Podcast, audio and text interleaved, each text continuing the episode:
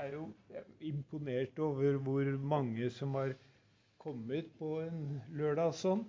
Eh, for jeg merker jo at det er en slags eh, trøtthet i, i forhold til dette temaet også i kristne sammenhenger. Og det er noen som sier uff, det er så Det snakkes altfor mye om sex i kristne sammenhenger også. Og så er det noen som sier jeg syns det er så ekkelt å snakke om gutter som kliner, og jenter som kliner. og det, Jeg blir kvalm av det. Og så er det noen som sier alle venter at kristne skal ha et svar på dette med seksualetikk og samliv. Og så vet jeg ikke hva jeg skal mene, for jeg har kanskje noen i familien min som tenker eh, helt annerledes, og så er det slitsomt å oppleve det. Men hvis dere kjenner dere igjen i noe av dette, så håper jeg likevel at vi klarer en dag til. For jeg tror det er nødvendig at kristne eh, har en gjennomtenkt holdning generelt til seksualetikk og samliv, men spesielt kanskje til dette temaet om homofili.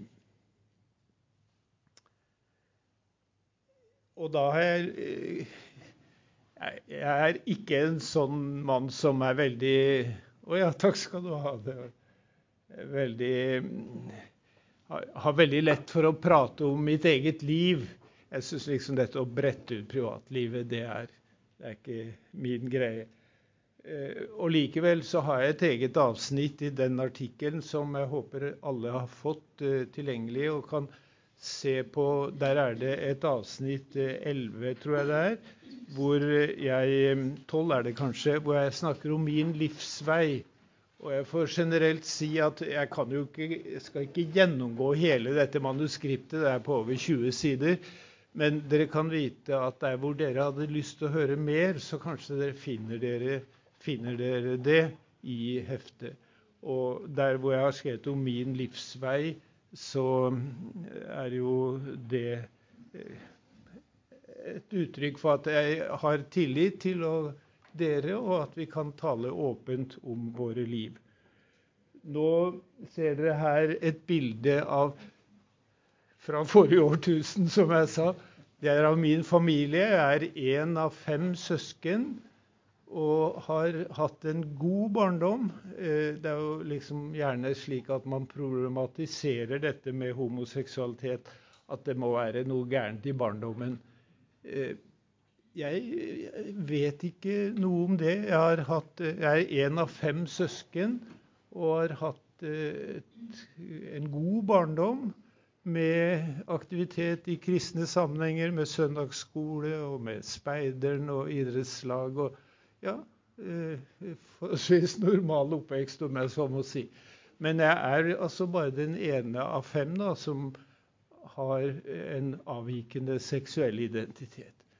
Og det oppdaget jeg jo i tenårene, når, når en går inn i puberteten. Og jeg, kameratene mine de ble så fiksert på jenter og snakka om det. Og, og, liksom, og jeg skjønte ikke at det var noe å snakke om. Og det, da etter hvert ble jeg jo bevisst at her var det noe som ikke stemte. For jeg syns det var et par gutter i klassen min som var veldig kule, men de jentene hadde jeg ikke noe forhold til på den måten. Jeg har jo egentlig alltid hatt et godt forhold til kvinner og jenter, sånn på det eh, kristne mellom, mellom, mellommenneskelige plan, men altså ikke i denne seksuelle betydningen. Men eh, jeg eh, har jo opplevd at det, etter hvert da, som jeg opp gjennom tenårene ble bevisst at jeg skilte meg ut fra uh, kameratene mine, og, og, for så vidt mine egne søsken også, så ble jeg jo også interessert i å skaffe meg mer kunnskap om hva er egentlig homofili. Ja, la meg forresten nevne begrepet homofili. I dag er blitt veldig dominerende som begrep. Homoseksualitet eh, snakket man om tidligere. Nå er det gjerne slik at en snakker om homoseksualitet, om hva man gjør, men homofili om hva man er. Jeg vet ikke om det er en distinksjon som kan være nyttig. Men det Jeg må jo si jeg opplevde ikke dette som noe dramatisk. Eh, og jeg leste litt om det og fikk litt kunnskap om det. Og så opplevde jeg etter hvert at det var ikke eh, avgjørende om jeg kunne finne et svar på hvorfor jeg var blitt slik, for det fant jeg ikke noe svar på. Men eh, jeg kunne spørre hvor til? Altså, hva ville dette kunne gjøre med mitt liv og min framtid? Eh, og da ga det et nytt perspektiv som jeg har hatt nytte av. Og så må jeg jo si det tok lang tid før jeg våget å snakke åpent om eh, at jeg var en homse, som det heter på slang.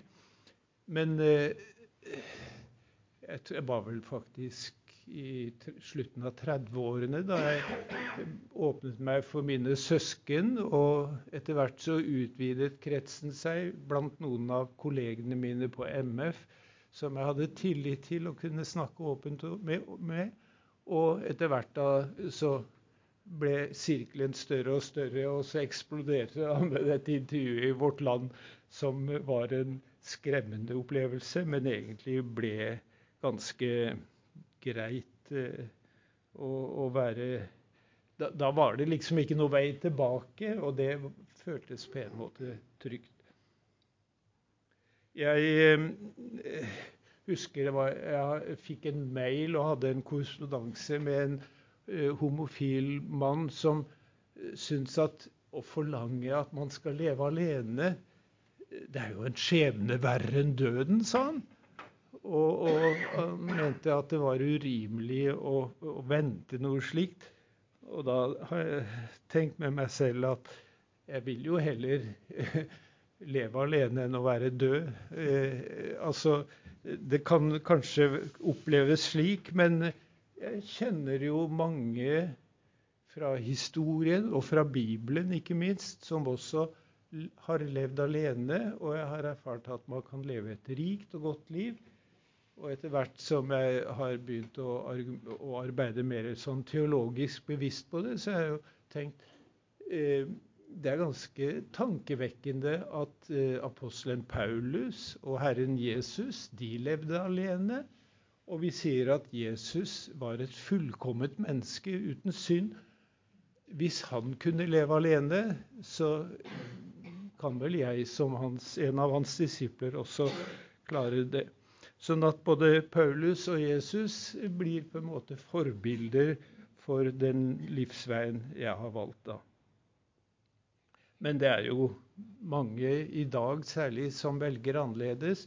Og jeg syns på en måte at det, er, det, må være verre, vanskeligere i dag å velge den veien jeg har gjort. Fordi media og Eh, offentligheten i hele tatt er mye mer seksualisert, tenker jeg. Og, og, dermed eh, å bryte med det som er blitt eh, flertallets norm i dag, det krever kanskje større frimodighet enn hva det gjorde for meg. Men man kan ha hjelp av eh, både bibeltekstene, og nå jobber jo dere med Første Mosebok. Og da har jeg eh, tenkt litt på dette med hva det står om da Gud skapte eh, Skal vi se om vi har Ja, nå er vi allerede ute i kapittel 3, men i kapittel 1, som jeg skal komme tilbake til senere, så står det i vers 26 og 27 at Gud skapte mennesket i sitt bilde. Punktum. Og så kommer en ny setning som mann og kvinne skapte han mennesket. Men det er litt viktig, syns jeg, at dette er ikke uten videre ett utsagn. Det er to utsagn.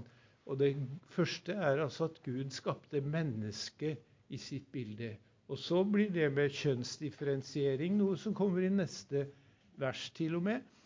Eh, som mann og kvinne står det i våre bibeloversettelser, men som vi skal komme tilbake til seinere. Eh, så står det egentlig at Gud skapte mennesket som hannkjønn og hunnkjønn. Altså veldig fokusering på kjønnsforskjellene. Eh, og Det er litt viktig når vi skal se på Nytestamentets tale om seksualitet og samliv, hvor man viser tilbake til første Mosbok 1, og hvor man bruker de samme merkelige uttrykkene. Ikke mann og kvinne, men hannkjønn og hunnkjønn. Og det viser etter mitt skjønn at eh, her er det tydelig en linje fra skapelsesberetningen og til Jesu undervisning om samliv og til Paulus' undervisning om det samme.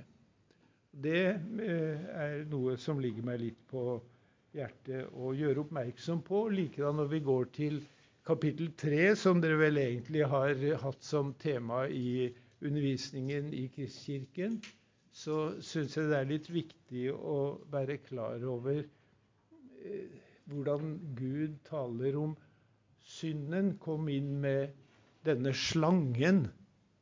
Altså at det er fra skaperverket så å si at det onde kommer inn i verden. Det er ikke Gud som har skapt det onde, men slangen altså nevnes som den som brakte det. Og det tenker jeg er litt viktig. At det synsregimet, så å si, som alle mennesker, både menn og kvinner, er kommet inn under, det stammer ifra det skapte.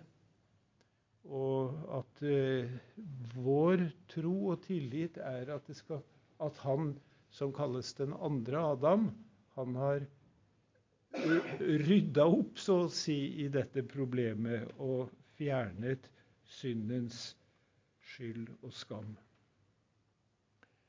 Eh, hvis vi går videre til eh, ja, jeg tror vi bare går forbi den. Det er hva bekjennelsen sier om at vi er alle syndere. Og det er jo også et poeng. Men det er kommet en eh, frigjører. Jeg eh, blir jo litt opptatt av den kirkelige og samfunnsmessige debatt og samtale om samlivsetikken. Og jeg ble veldig glad da jeg i 2014 fant dette utsagnet i en biskopsuttalelse hvor det altså står veldig tydelig at eh, eh, det, de homofile som velger å gå denne veien, nemlig å leve alene, de trenger eh, kirkelig anerkjennelse og støtte. Det, det, ga meg litt sånn, eh, en liten løft i, i den fasen. Ellers så må jeg nevne noen Jeg har liggende noen bøker her som dere kan bla kikke på i, i mapphusen.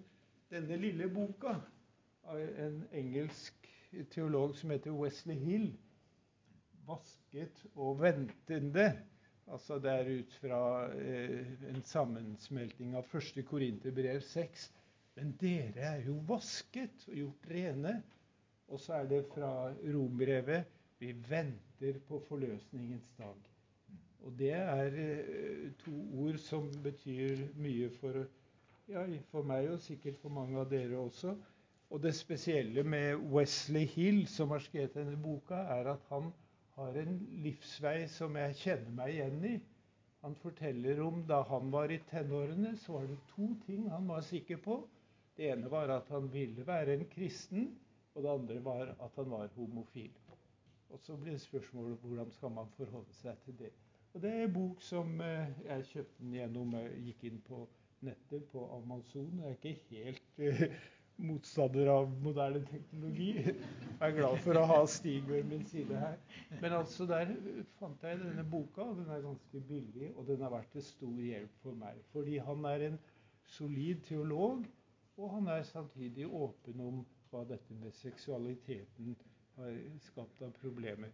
På baksiden av artikkelen så ser dere Wesley Hill avbildet. Og der har jeg tatt med noen sitater fra boka hans.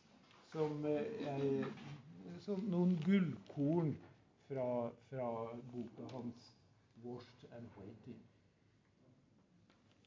Så for de som leser engelsk, er det en god uh, bok å være orientert. Og når vi snakker om bøker, så vil jo denne boka som eh, Terje Hegertun har skrevet, være en bok som noen av dere kjenner. Han ønsker å, å gi en slags teologisk, et teologisk grunnlag for de som vil åpne for homofile samliv. Og jeg har lest den og er ikke enig i alt han sier. Han er en god mann, og han har jo vært en kollega av meg på MF, men jeg syns han kommer ikke til rette med bibelteksten. Så jeg, når jeg først nevner bøker nå, så kan det være noen av dere i sin tid skaffet dere denne boka om mine homofile venner, som øh, øh, kom for Jeg husker ikke hvor lenge det var. Espen Ottosen, altså øh, informasjonslederen i Misjonssambandet, skrev den. For Han intervjuer ni personer, og som det ble nevnt her at de fleste er anonyme, men jeg er en av dem som da ikke er det. Den er kommet i en ny utgave nå som heter 'En annerledes vei'. Og litt flere som man intervjuet, og litt flere som er åpne også. Det er bøker som jeg har for så vidt vært medvirkende til og syns kan gi god veiledning.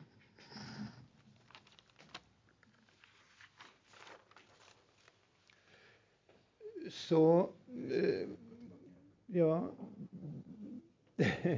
Der, ja, det avisoverskriften som kom Skal vi se. Dette eh, var det som ble sånn tosiders oppslag i Vårt Land som slo imot meg og var skremmende, men egentlig ikke da eh, førte til noe negative, men enkelte positive eh, meldinger tilbake. At det var godt å se at det går an å ha det synet jeg har, og likevel altså bekjenne den kristne tro. Men så var det et bilde Skal vi se eh, Der. Eh, det kom litt sånn på hodet. Hvis dere legger dere sidelengs, så ser dere at det er to gutter som ligger og kliner. Og det er fra en TV-serie som veldig mange unge har sett især, og som kaltes Skam. Eh, og hvor det særlig kanskje var knyttet til eh, seksuelle problemer. Og det, dette å komme ut av skapet var liksom en problemstilling der som eh, ble, tror jeg, veldig nærgående for mange unge med usikker seksuell identitet. Skal en våge å signalisere at en har lyst til å etablere et kjæresteforhold, eller skal en være singel. Det var en problemstilling som nok ble ganske nærgående for en del ungdommer. Jeg har likevel lyst til allerede her å peke på at eh, mange har da inntrykk av at eh, ungdommen liksom er blitt helt uten eh, holdninger i forhold til seksualitet. Og så tenker jeg det var en meningsmåling som fortalte, en amerikansk riktignok da, at eh, omkring 25% av tolvårige gutter, da de ble spurt om seksualitet, så lurte de på om de var homo. En fjerdedel. Men når de samme gutta ble spurt i, som voksne, unge voksne, så var tallet redusert 2-3% Og det forteller at dette med en usikker, uavklaret seksualitet er nok typisk for pubertetsalderen. Og en bør være litt varsom med å liksom legge det som den varige normen. Det forandrer seg også for mange med alderen. Men dette med skyld og skam knyttet til seksualitet er en problemstilling som mange kjenner på. Og da tenker jeg at for den som bekjenner troen, så vet jeg at Jesus har tatt på seg min skyld, og han eh, skjuler og dekker oss over min skam. Eh, men det er noe som eh, troen har hjulpet meg til å se og være klar over, og som gjør at jeg kanskje da våger å være litt åpen her i møte med dere også. Jeg ble litt eh, lei meg over denne boka til Terje Hegertun, hvor han siterer Sandveig at han sier at det er ikke lett å være homofil. Punktum. Og den setningen var innledningen til et avsnitt hvor det var beskrivelse av alt jeg har fått som homofil. At det, at det ikke er enkelt, det var liksom bare for å si at det gjelder egentlig alle mennesker. Jeg har av og til liksom sagt at jeg har skjønt etter hvert at det er ikke helt enkelt å være hetero heller. Og det får jo litt humring av og til. Men det eh, forteller meg altså at vi har da alle vanskeligheter både med seksualitet og med livet. Eh, og det vil ikke jeg underslå også som homofil. Men jeg har oppdaget at det har gitt meg også mye. Som eh, singel så kan jeg ha større frihet til å reise og oppleve ting, og jeg kan eh, Eh, ha gode vennskapsforhold og, og eh, dele mye av gode livsopplevelser uten at det involverer en seksuell eh, forening. Men eh, jeg er jo klar over at både for meg og andre så er seksualitet også forbundet med problemer. Men det, det er det forbundet med bare det å være menneske ligger da litt meg på, på hjertet å understreke.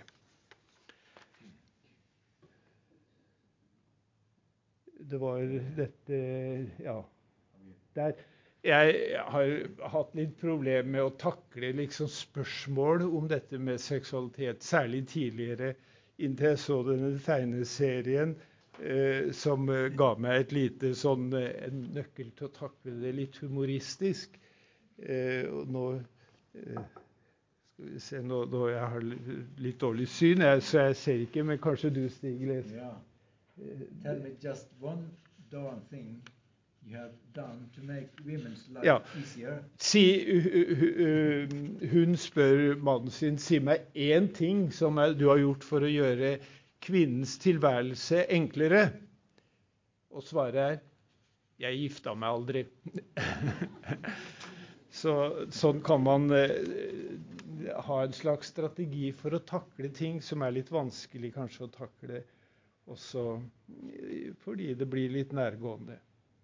Nå eh, har jeg brukt eh, mye av tiden i den første sesjonen. Men i heftet dere har, så er det et viktig avsnitt som eh, høres ut bare som kjedelig historie, nemlig om oldtidens forhold til seksualitet. Og der har teologer taklet oldtidens tekster og bibeltekstene også forskjellig. Og jeg viser dere her en bok som kanskje noen av dere kjenner, iallfall metodister kan være fortrolig med. En. Det er en professor Brownson som har skrevet en bok om Bibelen, om kjønn og seksualitet. Og han illustrerer en problemstilling som jeg blir litt lei meg og litt bedrøvet over, men skjønner det. Brownson var en av de ledende metodistteologer som argumenterte for at eh, homoseksuelt samliv ikke var etter Bibelens ord. Men så fikk Brownson en sønn som han fikk vite ja, men han er jo homo. Oi, hva gjør jeg nå? Og i på en måte en slags lojalitet overfor sin egen sønn så begynte han å arbeide med bibeltekstene på nytt. Og resultatet ble den boka der. Og det er litt vemodig, syns jeg, for den boka opplever jeg som ikke særlig holdbar i argumentasjonen, men han er liksom på jakt etter argumenter i Bibelen for å kunne forsvare homofilt samliv. Og de holder ikke, tror jeg så eh, er det her to fremstående eh, unge homofile folk, Justin Lee og, og Matthew Vines. For de av dere som er litt sånn interessert i engelskspråklig litteratur. Så disse er veldig pågående for å forsvare at kristne bør kunne gå inn i homofilt samliv. Eh, så det er et veldig press og et trykk i kristne sammenhenger i den retningen, slik som vi har det også i Norge, da, med åpen kirkegruppe og med Skeivt nettverk. Og jeg tenker likevel at jeg har ikke funnet gjennom mitt arbeid med bibeltekstene og med den antikke historien noe som gir meg grunnlag for å endre syn. Og det er særlig hvis vi går enda videre eh, Ja, det var han eh, Wesley Hill som jeg nevnte, og som er en flott fyr. Altså, det ligger noen foredrag av han ute på nettet også, som han eh, på en enkel og, og overbevisende måte argumenterer for det bibelske syn. Eh, så har jeg i eh, debatter og undervisning om dette temaet etter hvert laget meg tolv utsagn som jeg stadig møter. Så jeg reduserte redusert dem til sju. Og de står i ramme i det manuskriptet dere har. Og De vil jeg nå bruke som en slags disposisjon for det jeg skal si videre. Og da begynner vi på Det er i punkt tre, avsnitt tre i artikkelen om homofilt samliv i gresk-romersk tid. Fordi der eh, tar jeg som utgangspunkt en påstand som lyder ekte homofili var ukjent i antikken og i bibelsk sammenheng. Den har jeg møtt ofte i, i kristne sammenhenger, og jeg mener at den ikke holder.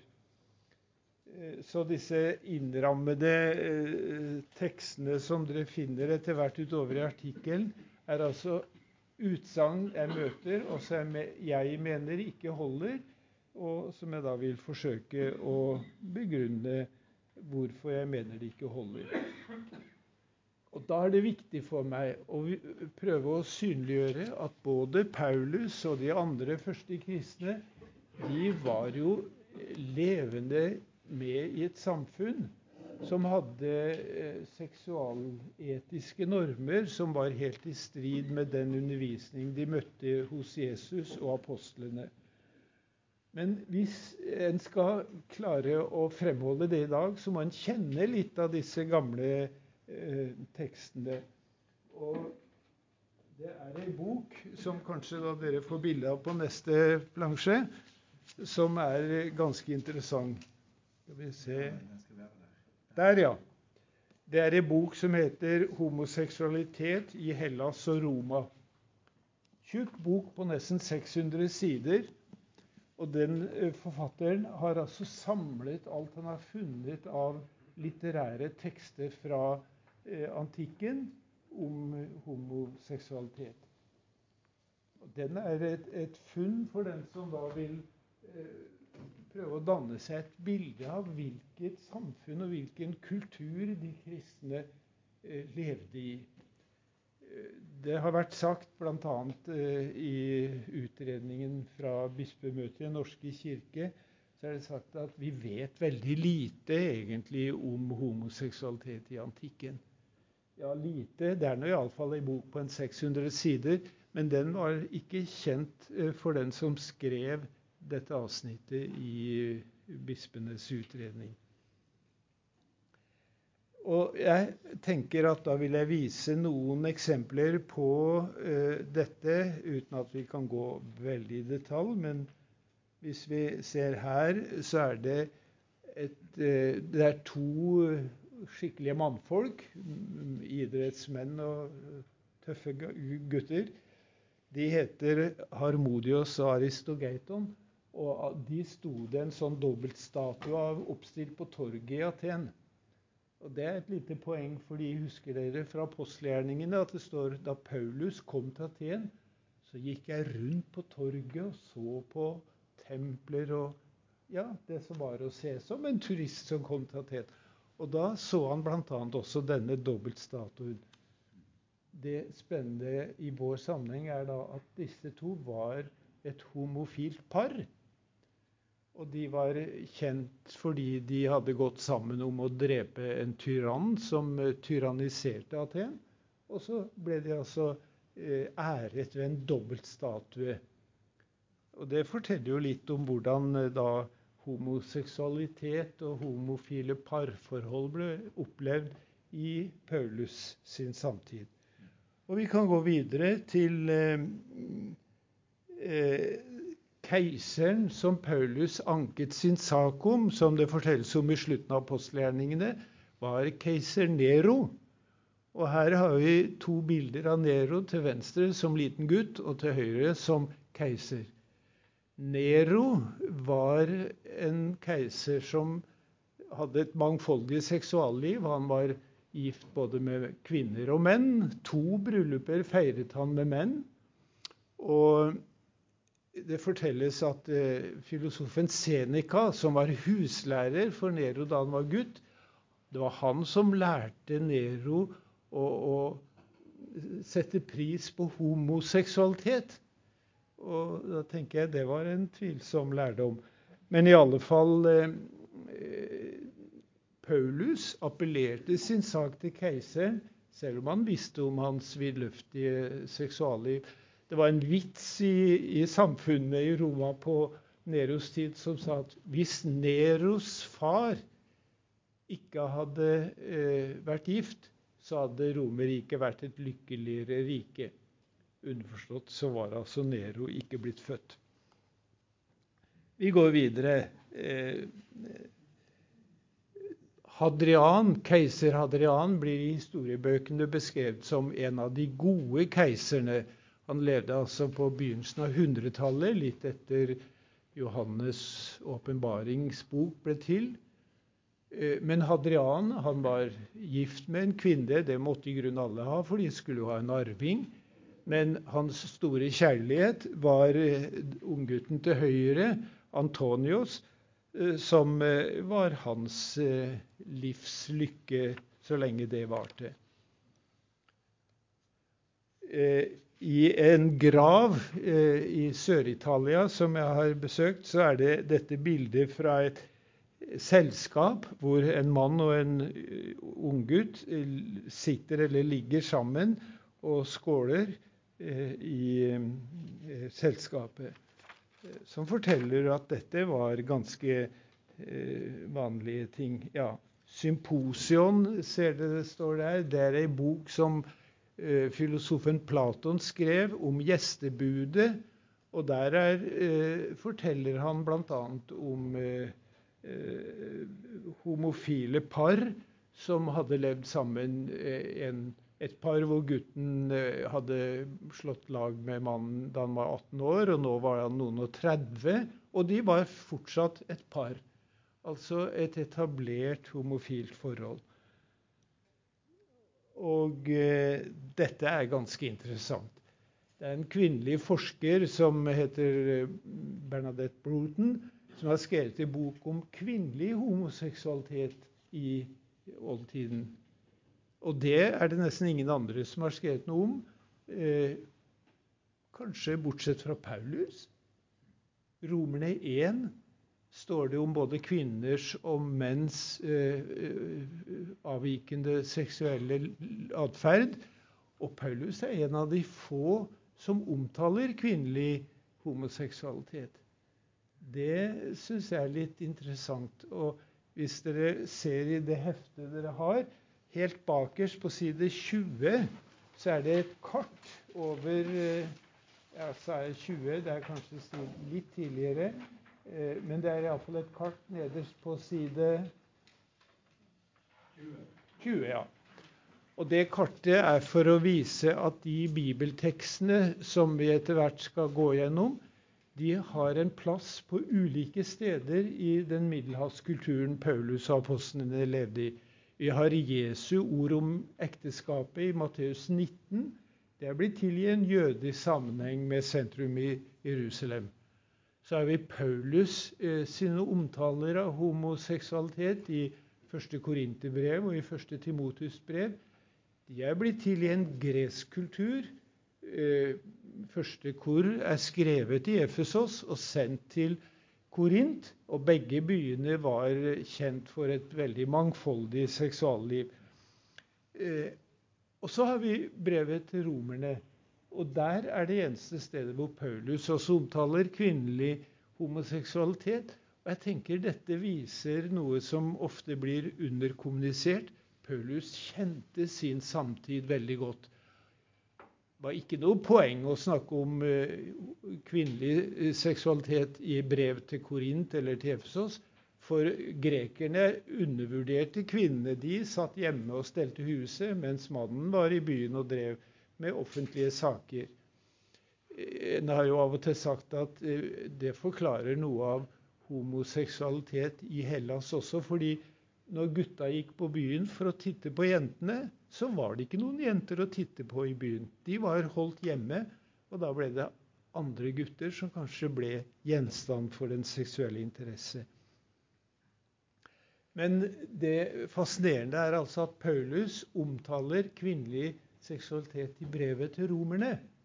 Og i Roma, og i den romerske kultur, så var kvinnenes eh, plass i forhold til dette med seksualitet mye friere enn det var i den greske kultur. Det er denne eh, Skal vi se om vi kan ta frem den uh, statuen igjen. Nei. Hvor ble det av den gravsteinen? Der, ja. Dette er en gravstein som er funnet, og som viser Eh, to kvinner som eh, ble begravd eh, sammen og fikk da en felles gravstein.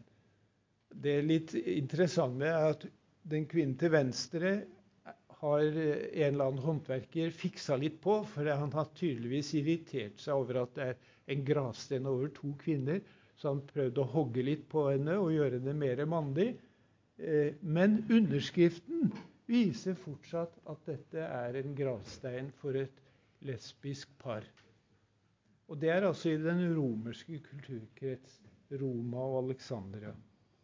Så disse bildene forteller oss noe om eh, den seksuelle verden som Paulus skriver i. Og han hadde mye bedre rede på sin samtid, tenker jeg, enn vi ofte eh, forestiller oss. Tenk f.eks. når han skriver til eh, korintmenigheten at ja, han snakker om dette med homoseksuelt samliv. Slik var noen av dere før. Og det er en, en, liten bemerkning som jeg tenker er veldig på sin plass til menigheten i Korint. For det var eh, virkelig et pluralistisk seksuelt liv som utfoldet seg der. Hvis vi skal tenke oss hvordan livet i Korint var, som Paulus skrev til, så har han sagt en forsker det er som uh, Las Vegas og New York og, Las, og, Los Angeles i ett bilde. Det er eh, sex, og det er uh, pengejag, og, og det er skuespill. Så den byen som Paulus bodde i halvannet år, og underviste de kristne om det kristne liv. Han har truffet folk på gata som var homofile. Kanskje var det en homse som ble kristen, og som Paulus da kunne tale samtale med i sjelesorgens rom. Eh, det er flere bilder vi har her. Der ser vi navnet på de to kvinnene. Og her er det et bilde av to gutter i en uh, intim eh, scene fra et selskap, et symposion, et drikkegilde, som en sier på nynorsk. Og så har vi Dette er jo ganske uh, skummelt, hadde jeg nær sagt. Det er et drikkebeger. Og så tenker jeg Paulus snakker jo om hva skal de kristne gjøre hvis de blir invitert hjem til en ikke-kristen og får servert hedensk kjøtt altså kjøtt som er brukt i hedenske ofringer. Altså, konflikten mellom en kristen livsstil og en hedensk livsstil er et felt hvor Paulus underviser menigheten. Og så tenker jeg, Dette drikkebegeret viser det vi i dag ville si en pornografisk scene. Samleie mellom to av hannkjønn. Og tenk deg, hva skulle en kristen gjøre hvis han ble invitert i et selskap og drikkebegeret hadde sånn utsmykking? Det må ha vært en ganske vanskelig etisk eh, klemme for en kristen. Eh, ja, vi kan bare kjøre videre. Eh, der er et interessant kulturhistorisk bilde, for dette viser uh, den høyeste gud, Sevs, som har eventyr med et en, men, en menneskemann, for å si det sånn. Altså Når selv den høyeste Gud driver med homosex, da må da vel alle mennesker kunne gjøre det?